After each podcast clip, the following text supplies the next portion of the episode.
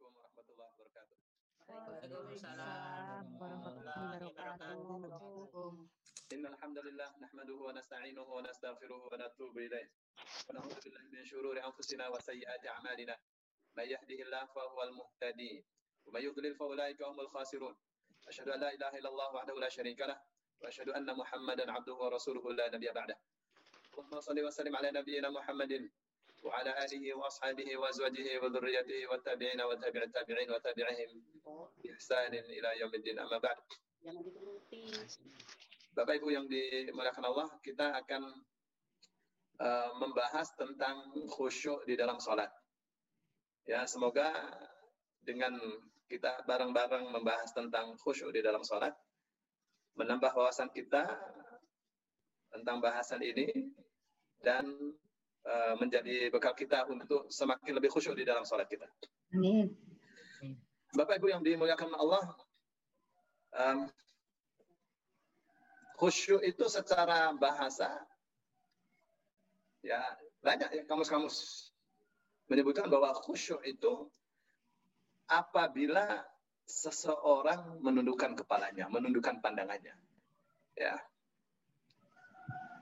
Jadi kapan orang itu anggota badannya tenang itu disebut khusyuk. Ada yang mengatakan bahwa khusyuk itu hanya ada pada pandangan ya, dan uh, suara. Itu sih diambil dari Al-Quran. Ya. Ya, dan suara-suara itu khusyuk.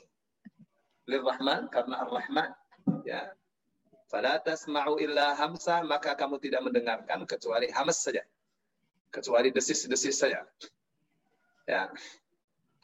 Terus yang penglihatan itu khasyiatan absaruhum. Itu ada kata-kata itu dalam Al-Quran. Ya, nanti kita akan lihat pandangan mereka khusyuk, maksudnya tunduk. Ya. Jadi orang kalau khusyuk di dalam sholatnya berarti hatinya tunduk. Ya. Khusyuk saat berdoa, ya hatinya menghadap Allah Subhanahu Wa Taala. Ya, orang Arab mengatakan khusyaatil ardu. Ya, bumi itu khusyuk. Apa itu disebut khusyuk? Ketika um, bumi itu tidak ada tanaman-tanaman. Nah, itu ya. Atau disebutnya disebutnya fakir. Bumi tanpa tanaman itu adalah bumi yang fakir. Ya. Atau bumi tanpa tanaman itu adalah bumi yang khusyuk. Jadi orang mau khusyuk di hadapan Allah harus merasakan bahwa dirinya adalah fakir. Ya.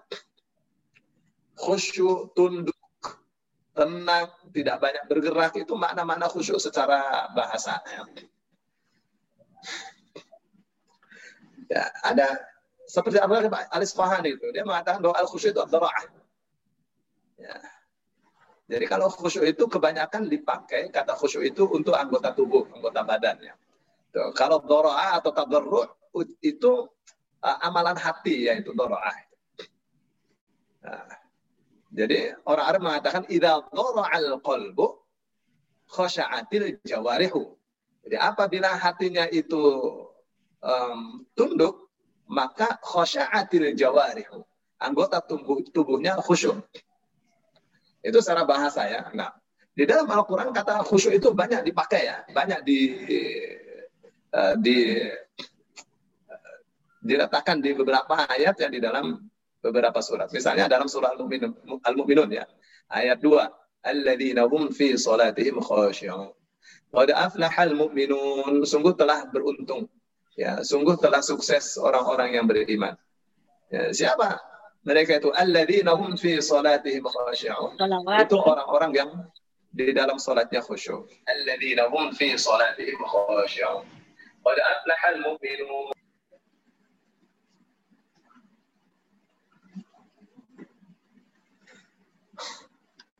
Itu ya. Terus jadi um, itu khusyuk terkait dengan sholat ya. Terus ada khusyuk itu di dalam Al-Quran. Seperti misalnya dalam surah Al-Hasyr ayat 21. Allah mengatakan, "Lau anzalna hadzal Qur'ana 'ala jabalin la ra'aitahu khashi'an mutasaddian min khasyatillah. Andaikan kami turunkan Al-Quran ini kepada gunung, niscaya atau pasti kamu akan melihat gunung itu khusyuk. Ya, tunduk. Ini secara mutlak ya. Ya, gunung yang batu saja tunduk kepada Al-Quran. Mestinya manusia lebih tunduk. Tapi terkadang hati itu lebih keras daripada gunung, daripada batu. Ya susah. Ya, lebih membatu daripada batu. Ya, kalau batu ya dia batu, tetap saja dia khusyuk kepada Allah Subhanahu wa taala. Tapi hati kalau sudah menjadi batu tidak ada guna. Mutasaddian dia bergetar min khasyatillah karena takut kepada Allah. Itu gunung ya, andaikan Al-Qur'an turun kepadanya. Tapi kata khusyuk di sini adalah tunduk. Ya. Jadi di dalam Al-Quran itu ya kata khusyuk itu disandarkan pada uh, benda-benda Ya, terkadang benda-benda itu di, disifati dengan khusyuk. Bumi itu khusyuk, gunung itu khusyuk. Ya. ya. Terkadang disandarkan pada penglihatan, pada suara, ya, pada hati. Ya, misalnya dalam surah Al-Baqarah ayat 45, "Wasta'inu bis-sabri was-salah wa innaha lakabiratun illa 'alal khashi'in." Ya. Wasta'inu dan mohonlah pertolongan Ya, mintalah tolong kalian kepada Allah bisabri dengan cara sabar. Wasalah dan salah. Ibn Abbas mengatakan banyak-banyak puasa ya supaya doanya dikabul. Nah, puasa itu adalah gambaran yang paling persis untuk sabar. Ya, wassalati dan salat, banyak-banyak salat, ya, terus minta kepada Allah. Wa innaha. Dan sesungguhnya salat itu benar-benar berat. Illa ala khasyin kecuali bagi orang-orang yang khusyuk. Itu apa tuh artinya? Kapan orang masih merasakan sholat sunnah itu berat, dia belum jadi orang yang khusyuk. Karena bagi orang yang khusyuk, sholat-sholat itu tidak ada yang berat. Kenapa? Karena bagi dia sholat itu kebutuhan yang tidak bisa dipisah. Ya. Kebutuhan yang tidak bisa dia tinggalkan. Ya.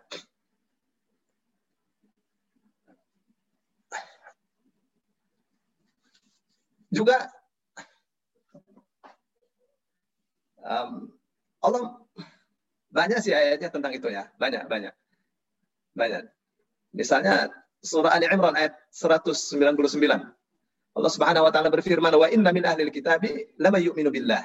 Dan sesungguhnya di antara ahlul kitab itu ya sungguh ada orang yang beriman kepada Allah. Wa ma unzila ilaikum dan apa yang diturunkan kepada kalian semua.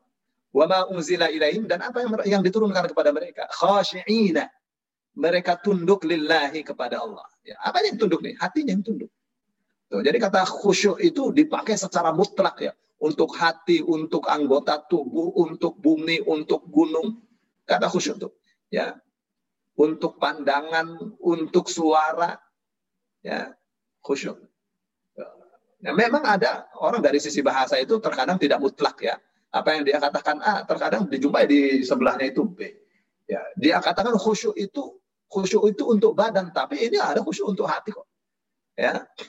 Seperti tadi, ad-dhara'atu fa idza fa idza al qalbu khasha'atil jawarihu. Dia katakan gitu Allah dia. Apabila hatinya tunduk, ya al-jawarih jadi khusyuk. Jawarih itu anggota tubuh, anggota tubuhnya menjadi khusyuk. Artinya anggota tubuhnya tenang, tidak banyak bergerak. Orang sholat banyak bergerak menunjukkan hatinya tidak khusyuk. Itu ya. Baik.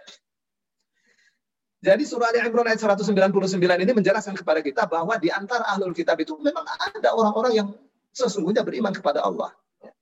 Beriman kepada yang diturunkan kepada kita, kepada mereka sendiri. Mereka tunduk kepada Allah. La yashtaruna bi. Mereka tidak menukarkan ayat Allah dengan harga yang sedikit. Ya, tidak mengharam tidak mengharamkan apa yang Allah halalkan, tidak menghalalkan apa yang Allah haramkan karena materi. Ya, itu namanya la syaruna bi bi ayatillahi thamanan qalila. Ulaika lahum ajruhum 'inda rabbihim. Mereka itu memperoleh pahalanya di sisi Tuhan mereka. Inna Allah sari'ul hisab. Sesungguhnya Allah itu maha cepat sekali hisabnya, perhitungannya.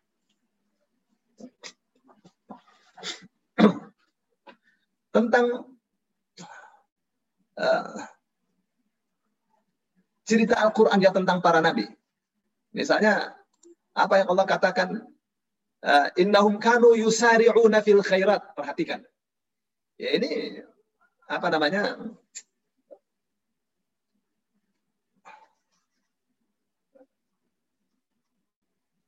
Penyerta-penyertanya itu. Ya. Penyerta-penyerta khusyuk itu. Atau apa ya? Indikasi-indikasi khusyuk ya. Perhatikan. Ya Allah mengatakan tentang para nabi.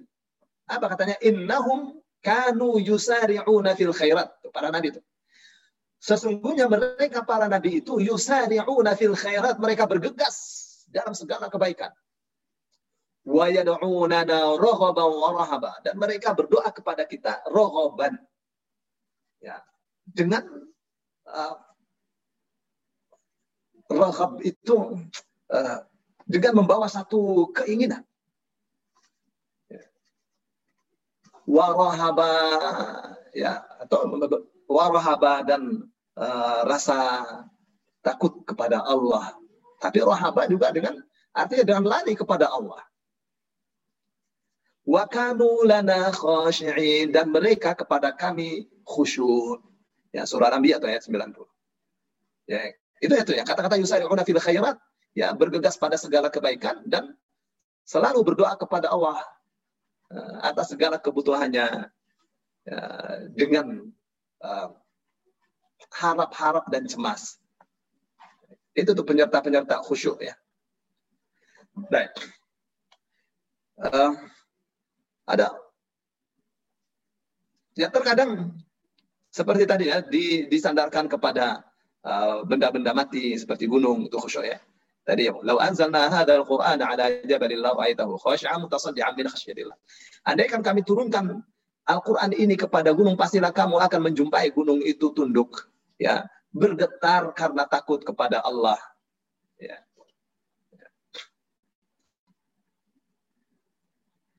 Terus uh, kalau dalam bahasa Arab kan uh, wa khasyatil ardu. Ya, Wa khasyatil ardu bumi itu khusyuk, bumi itu tunduk. Ya, masih dari segi bahasa ya, tapi ini diambil dari Al-Qur'an ya. ya. Dalam Al-Qur'an itu Allah mengatakan wa min ayatihi annaka taral arda khasyi'atan. Ya, dan di antara tanda-tanda kebesaran Allah bahwasanya engkau melihat bumi itu khusyuk. Kapan itu melihat bumi itu khusyuk? Kalau dia kering kerontang ya bumi yang kering, ya tanah yang kering, tanah yang tidak ada tanaman itu disebutnya tanah yang khusyuk. Ya. ya. Kenapa? Karena dia membutuhkan siraman. Ya.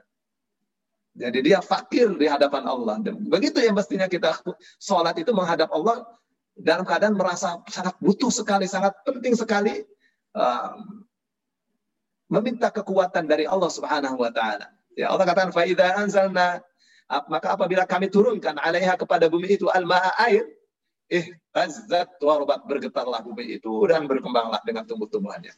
Ya. Innalladzi ahyaha la muhyil mauta sesungguhnya yang menghidupkan bumi itu dialah yang mematikan, yang menghidupkan orang-orang yang mati. Innahu ala kulli syai'in qadir. Sungguhnya Allah Maha kuasa atas segala sesuatu. Ya dalam surah Fusilat ya ayat 39. Ya, surah Fusilat ini dahsyat ya. Dahsyat sekali. Ya, sebelumnya bicara tentang apa tuh? Ayat 19 sampai 20 sampai beberapa ayatnya itu berbicara tentang um, orang yang diadili di hadapan Allah. Ya, karena dia berdusta, lidahnya ditutup ya dikunci. Tangannya bicara, kakinya bersaksi, kulitnya bersaksi, mata bersaksi, pendengaran bersaksi. Ya, surah Fusilat ini penting dipelajari ya untuk semakin meyakinkan dan mendekatkan kita kepada Allah Subhanahu wa taala. Bapak Ibu yang dimuliakan Allah.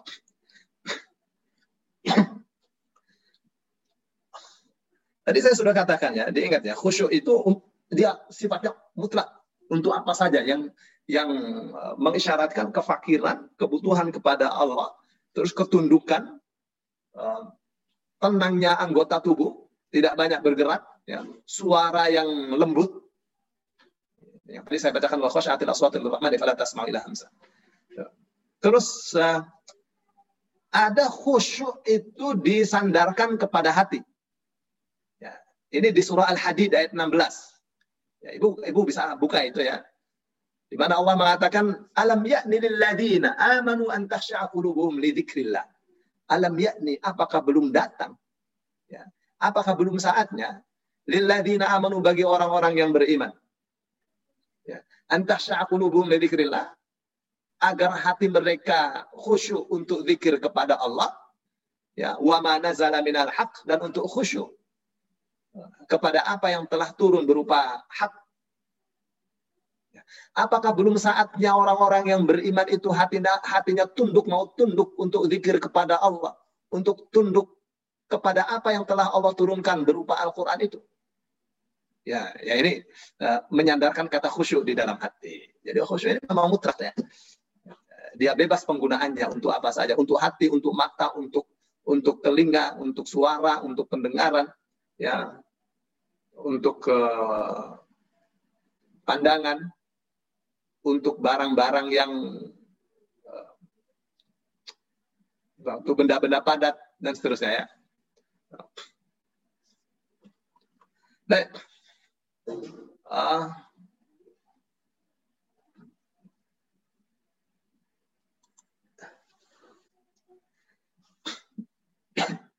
Jadi per definisi ya, atau definisinya khusyuk itu adalah sebenarnya dari tadi ya, di alam yakni ladina, al hadid ayat 16 itu ya. Ya, dari situ sih kita bisa uh, bisa definisikan atau ulama-ulama banyak ulama mendefinisikan khusyuk itu berbeda-beda ya. Ya, supaya dari definisi ini bisa kita jadikan pegangan ya. Jadi khusyuk itu al-inqiyad lil haq. Ya, mengikuti kebenaran itu khusyuk. Mengikuti yang hak di antara tanda-tandanya khusyuk, seorang hamba apabila khusyuk, terus dihadapkan kepada dirinya sesuatu yang uh, bertentangan dengan keinginan hatinya. Ini contohnya ya. Jadi untuk untuk menguji orang ini khusyuk apa tidak. Ya, dia inginnya ke kiri. Lalu ada ajaran Islam dari Quran dari hadis, eh jangan ke kiri ke kanan. Tuh. Kalau dia khusyuk, pasti dia akan ambil tuh ya apa yang dikatakan oleh Al-Quran, apa yang Allah katakan. Dia akan tinggalkan apa yang dia inginkan karena berbeda dengan dengan syariat. Tuh, maka Rasulullah Shallallahu Alaihi Wasallam bersabda, yak, la yu'minu ahadukum hatta yakuna hawahu tab'an lima syuri'a Ya, tidak sempurna iman seseorang sebelum hawa nafsunya, sebelum uh, keinginannya mau tunduk kepada syariat yang Allah turunkan kepada uh, kepada Rasul Shallallahu Alaihi Wasallam. Ya, jadi khusyuk itu hati yang tunduk. Ya, tunduk kepada siapa? Tunduk kepada Allah Subhanahu Wa Taala. Ya. Jadi orang kalau khusyuk itu pasti hatinya lembut, ya, halus, uh, terus anggota tubuhnya tenang. Ya, begitu. Ya, selalu merasa dekat dengan Allah. Nah, itu dia khusyuk. Ya. Ya, tempatnya di mana sih khusyuk itu? Ya sebenarnya tempatnya di hati. Seperti dia tempatnya di hati. Tapi khusyuk itu, kalau hatinya khusyuk, pasti akan terlihat di wajah. Pasti akan terlihat di anggota tubuh. Ya, di wajahnya terlihat, di tubuhnya terlihat orang yang hatinya khusyuk. Ya. Nah, tapi orang kalau terlihat wajahnya seperti tunduk, ya suaranya lembut, tapi hatinya tidak seperti itu, itu namanya khusyuk nifak.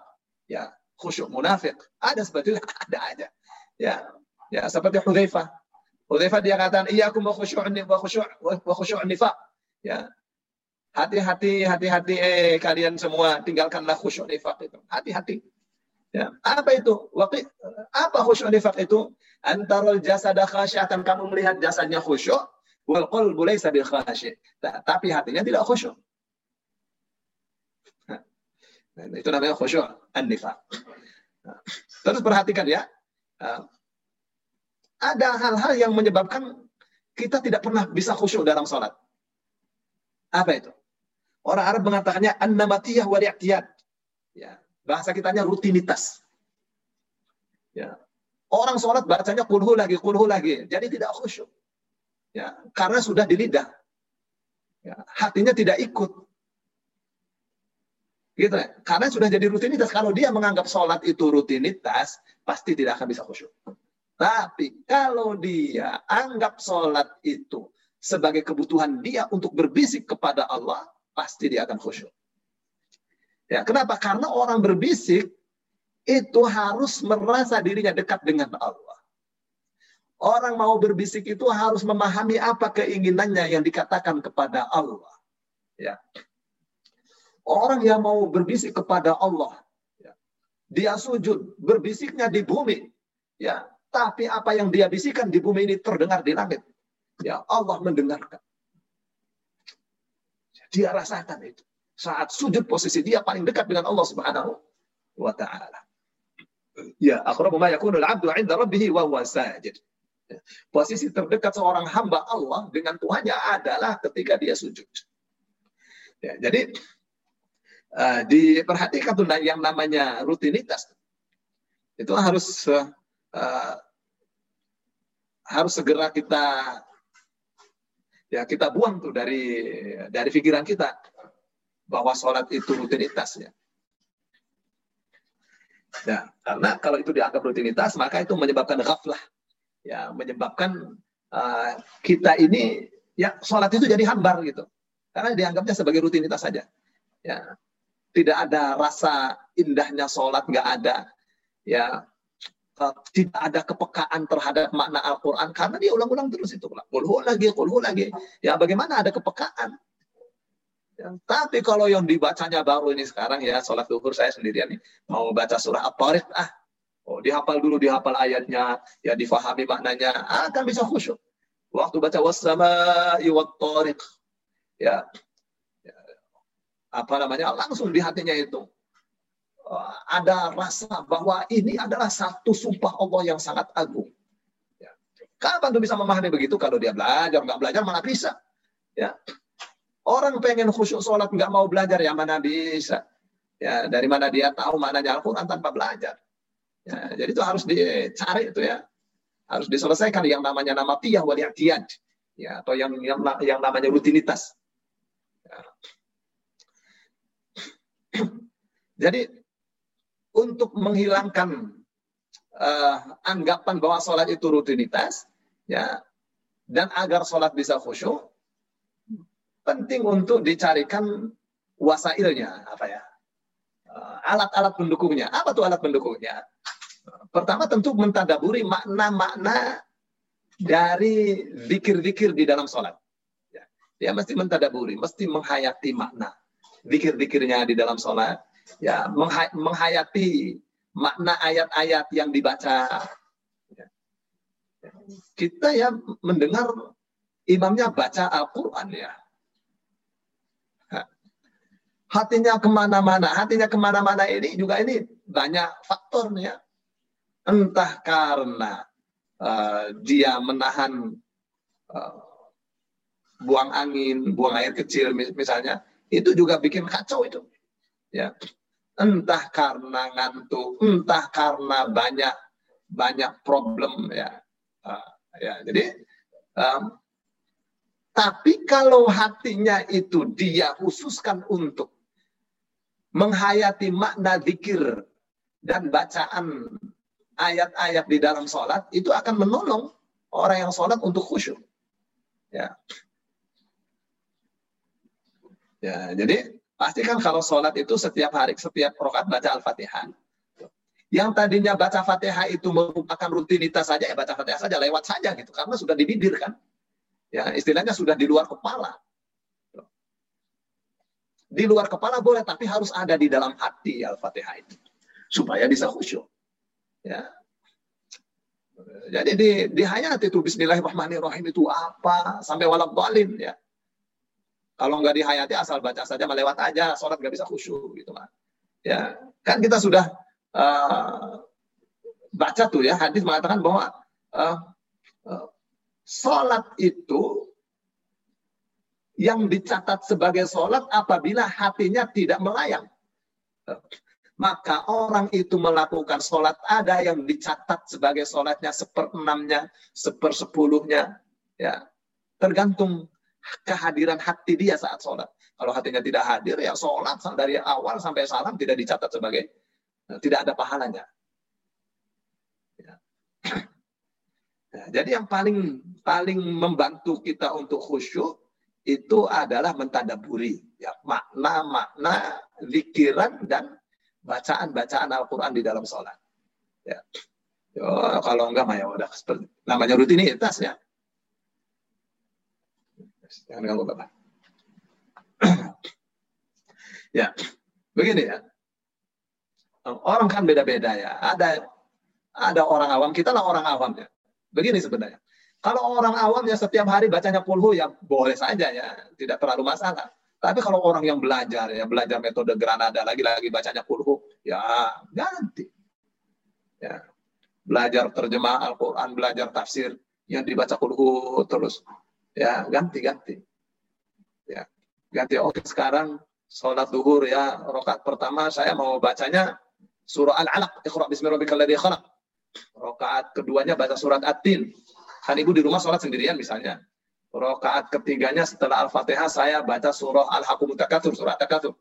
Rokaat keempatnya saya baca surah uh, surah Quraisy misalnya atau surah Al-Asr. Ya, terserah ya. ya. Jadi sebelum baca ini sudah dipersiapkan. Dibaca ayatnya, dibaca maknanya, dibaca tafsirnya. Wah, itu akan jadi khusyuk ya. Sholat dengan begitu. Ya.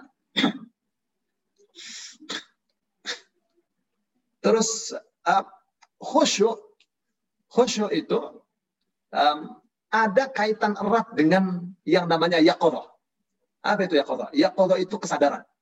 Ya, yaqodah itu uh, apa namanya ya? Ya yaqodah itu kesadaran penuh, kesadaran penuh. Jadi kalau dia kalau dia ngantuk itu kesadarannya akan berkurang. Itu akan mengganggu kekhusyuan. Ya, mengganggu kekhusyuan akan jadi tidak khusyuk. Ya, dalam sebuah hadis dari Aisyah radhiyallahu anha bahwa Rasul sallallahu alaihi wasallam bersabda, "Idza na'asa ahadukum wa huwa yusalli falyarqud." Ya, apabila uh, salah seorang di antara kalian ngantuk ya, wa huwa yusalli sedang dia salat falyarqud maka tidurlah. Bukan maksudnya lagi salat ngantuk terus suruh tidur, bukan. Ya. Kalau ngantuk ya tidur jangan salat gitu hatta yadhhaba anhu naum sampai keinginan untuk tidurnya itu hilang ya.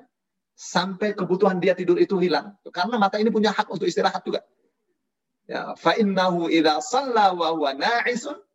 Karena dia apabila sholat dalam keadaan ngantuk la'allahu yadhhabu yastaghfiru fayasubbu nafsahu. Ya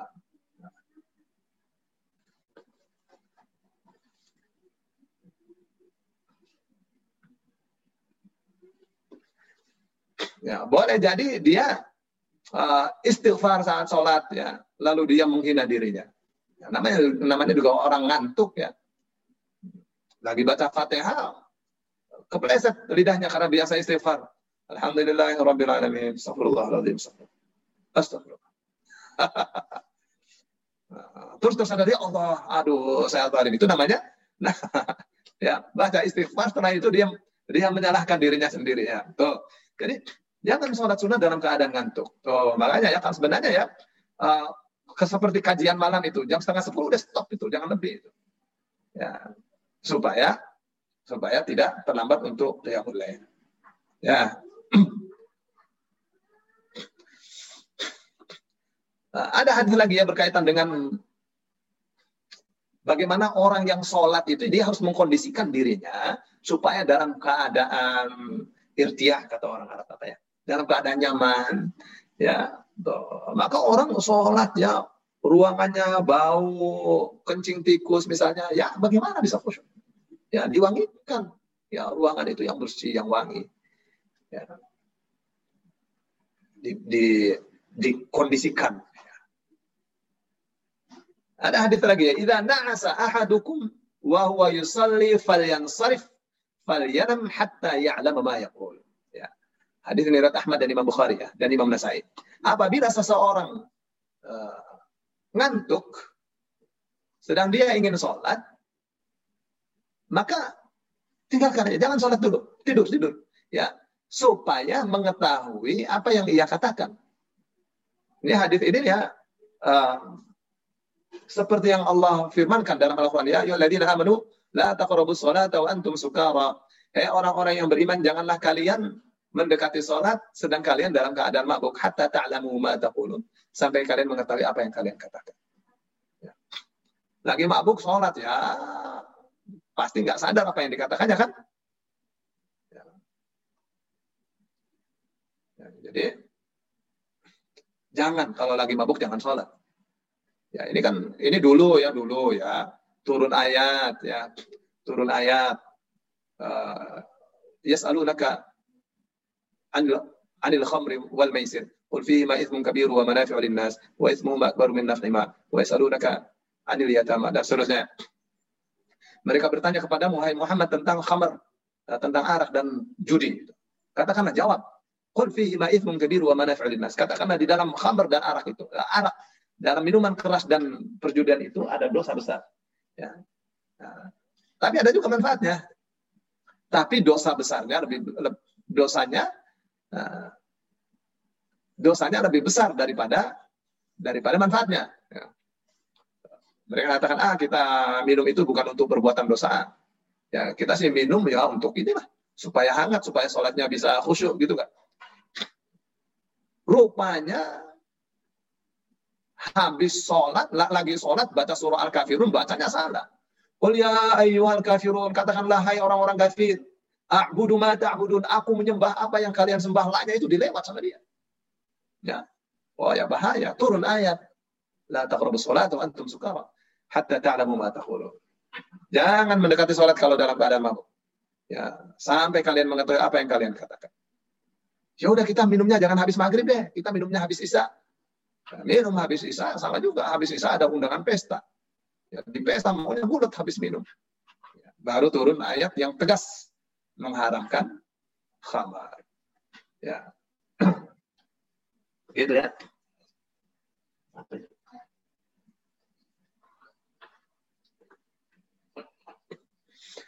Jadi orang kalau ngantuk ya, ngantuk sama mabuk ya, lagi ngantuk sholat, lagi mabuk sholat, hasilnya sama. Tidak tahu apa yang dikatakan. Ini namanya ngantuk berat kalau kayak gini. Hasilnya sama. Satu lagi yang hasilnya sama.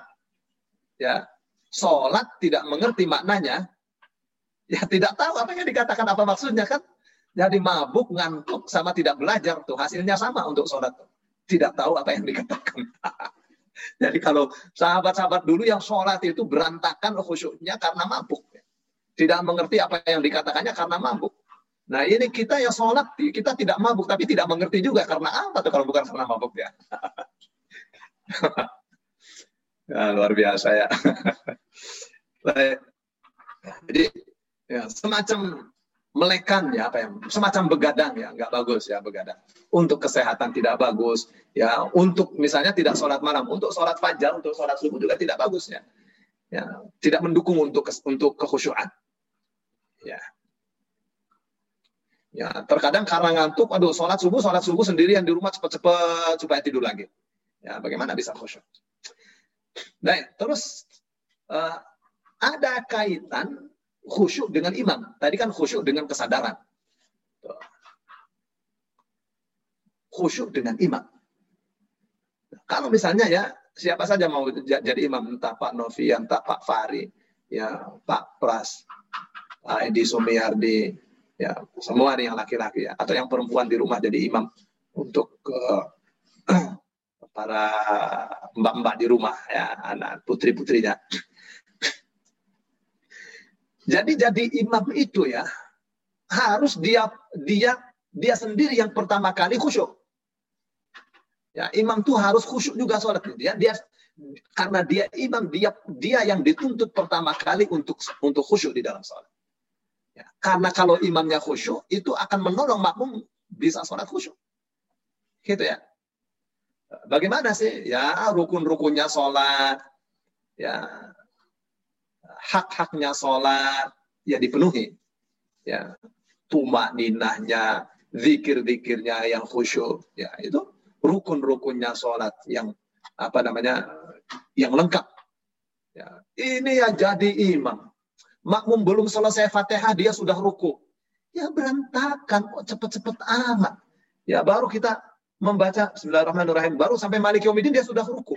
Ini apa ini membaca apa ini ya? Cepet amat. Ah, ya. Jadi jangan bergaya. Ya, dia sih mengiranya kalau sholatnya cepat, itu gaya gitu. Kayak orang naik mengendarai mobil kalau cepat gitu, itu gaya. Enggak, enggak begitu. Ya, sholat itu sedang menghadap Allah. Ya, kalau kita cinta kepada Allah, kita pengennya lama. Gitu ya. Ini khusus untuk yang sholat sendirian ya. ya. Sekarang kalau jadi imam, ya kalau jadi imam sih, pertama ya imam itu dia sendiri harus khusyuk sholatnya, mengerti apa yang dibaca. Ya, syarat rukun sholat itu dia penuhi.